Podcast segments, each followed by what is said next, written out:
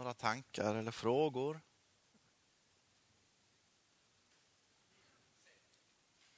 Ja.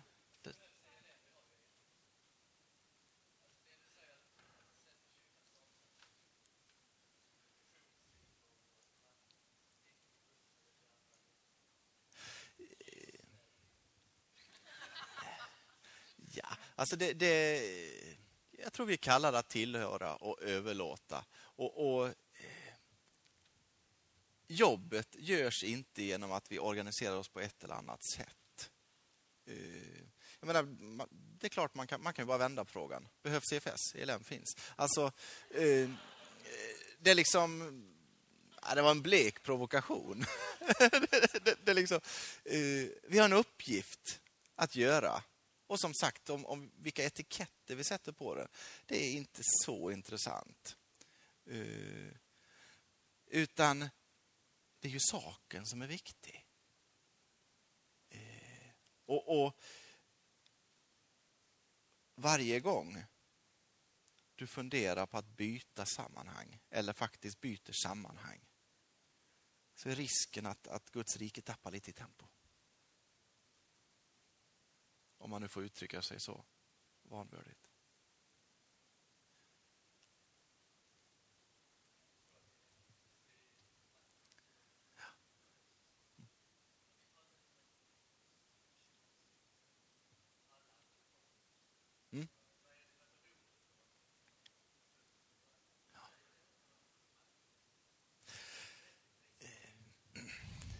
Alltså en, en missionsorganisation ska inte ha gott om pengar. Eh, det är fullkomligt förödande att ha gott om pengar för en missionsorganisation eller en kyrka. Eh, det dödar oerhört snabbt. Så vi ska ligga på minus. Eh, sen är det tråkigt om, om givandet minskar, för det ska det inte göra. Och, och det är oroväckande. Och, och det kan jag som anställd liksom se att det är en av utmaningarna för oss här att, att se eh, varför gör det det? Handlar det om att vi splittrar upp vårt givande på väldigt många olika saker?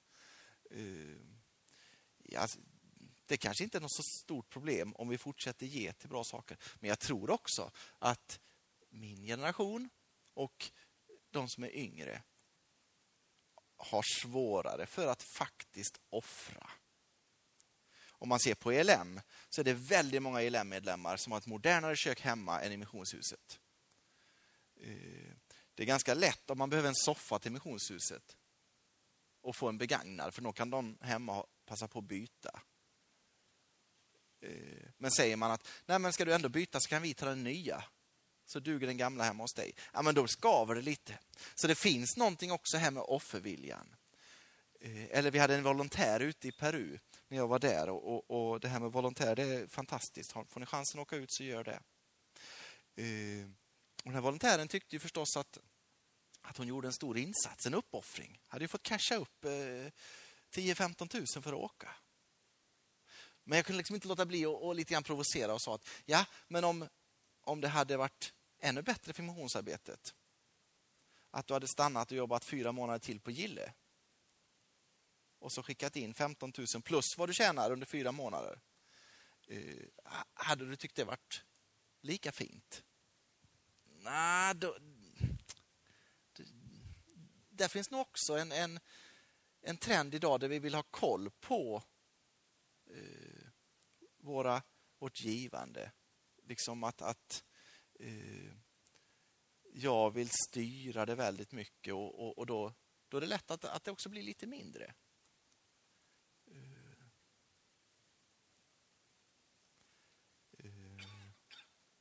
Så det finns utmaningar, jätteutmaningar.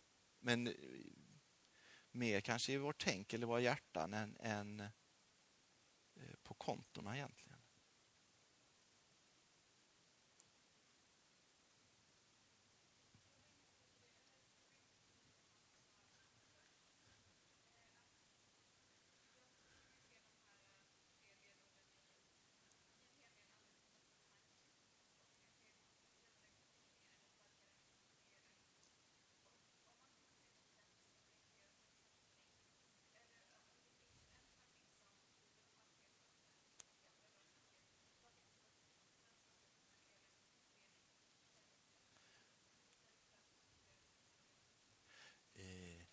Det finns inte självklart en vits med att starta upp. Eh, men poängen är att, att eh, eh, Sveriges folk behöver Jesus. Och eh, tittar man på svensk kristenhet eh, så är det inte så att det händer på särskilt många ställen att vuxna kristna, vuxna människor kommer till tro. Eh, det, det, så är det inte. Och, och därför, och, och, Eh, därför vill jag nog utmana till en viss frimodighet att eh, kommer du till en ny plats så eh, bilda inte en ELM-förening för att locka över redan kristna från pingst eller Missionskyrkan eller vilka det må vara. Det, det är ju ett nollsummespel. Sen kan vi hjälpa dem med, med vissa saker i läran och så vidare. Men eh, det är liksom inte poängen här. Utan poängen är ju att kommer du till en ny plats så finns antagligen Eh, det bland dina grannar, bland arbets eller studiekamraterna, i fotbollsklubben eller vad du nu gör. Massa människor som inte känner Jesus alls. Eh, de är det inte säkert att du blir bättre på att nå genom att engagera dig i en redan befintlig församling. Det är inte det.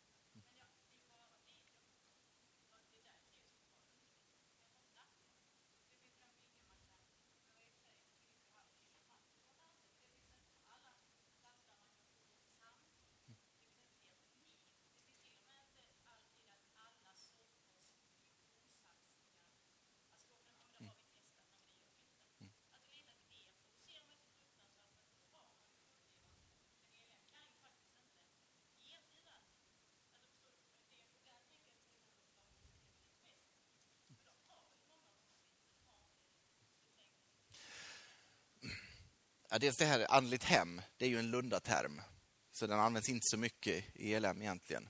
Eh, jag har, plock, jag har plockat den från Lund. Eh, men, men eh, ja. Mm, mm. Alltså, eh,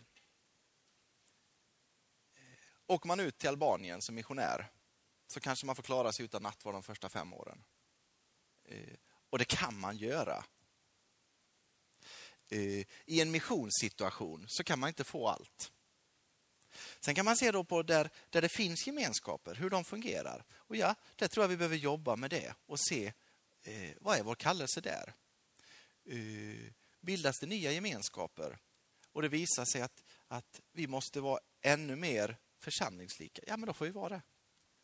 Om det, om det är priset vi måste betala för att, för att människor ska lära känna Jesus, då får vi ta det. Eh, men eh, om man ska vara lite kritisk mot de stora föreningarna, eh, och det kanske jag vågar vara för det finns medlemmar från de flesta här, så är ju, men vad är fokus? Är det jag och mina behov? Eller är det andra människors behov?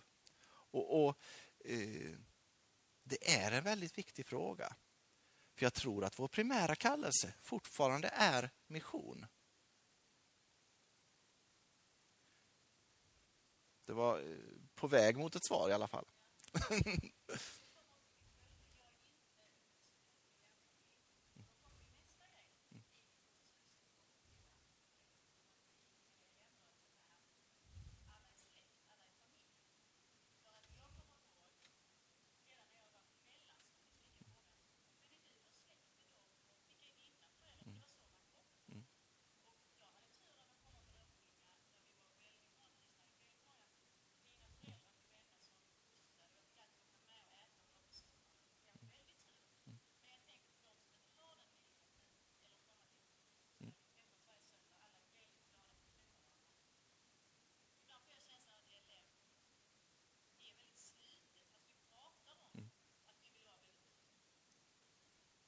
Och där har vi ju en jätteutmaning.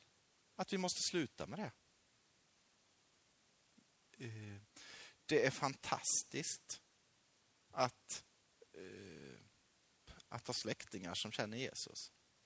Det är ju ingen, det är ingen belastning.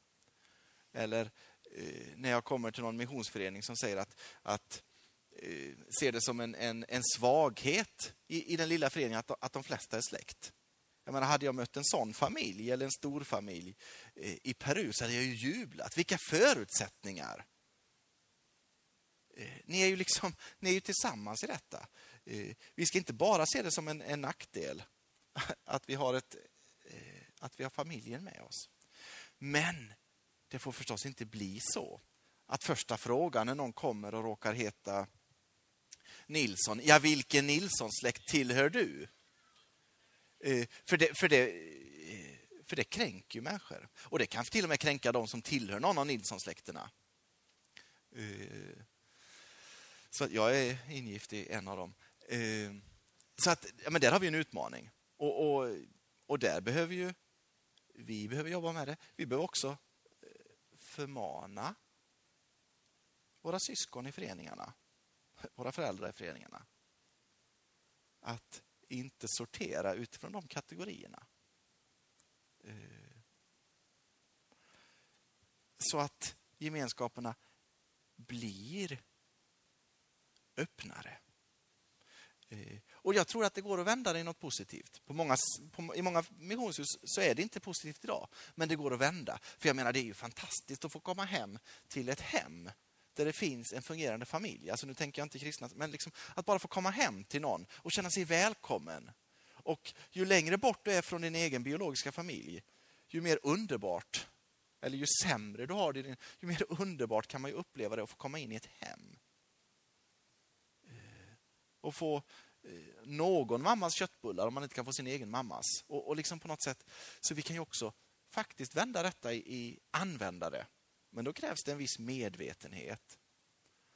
Eh, och att man liksom inte i ett samtal hela tiden refererar till sånt som, som alla vet.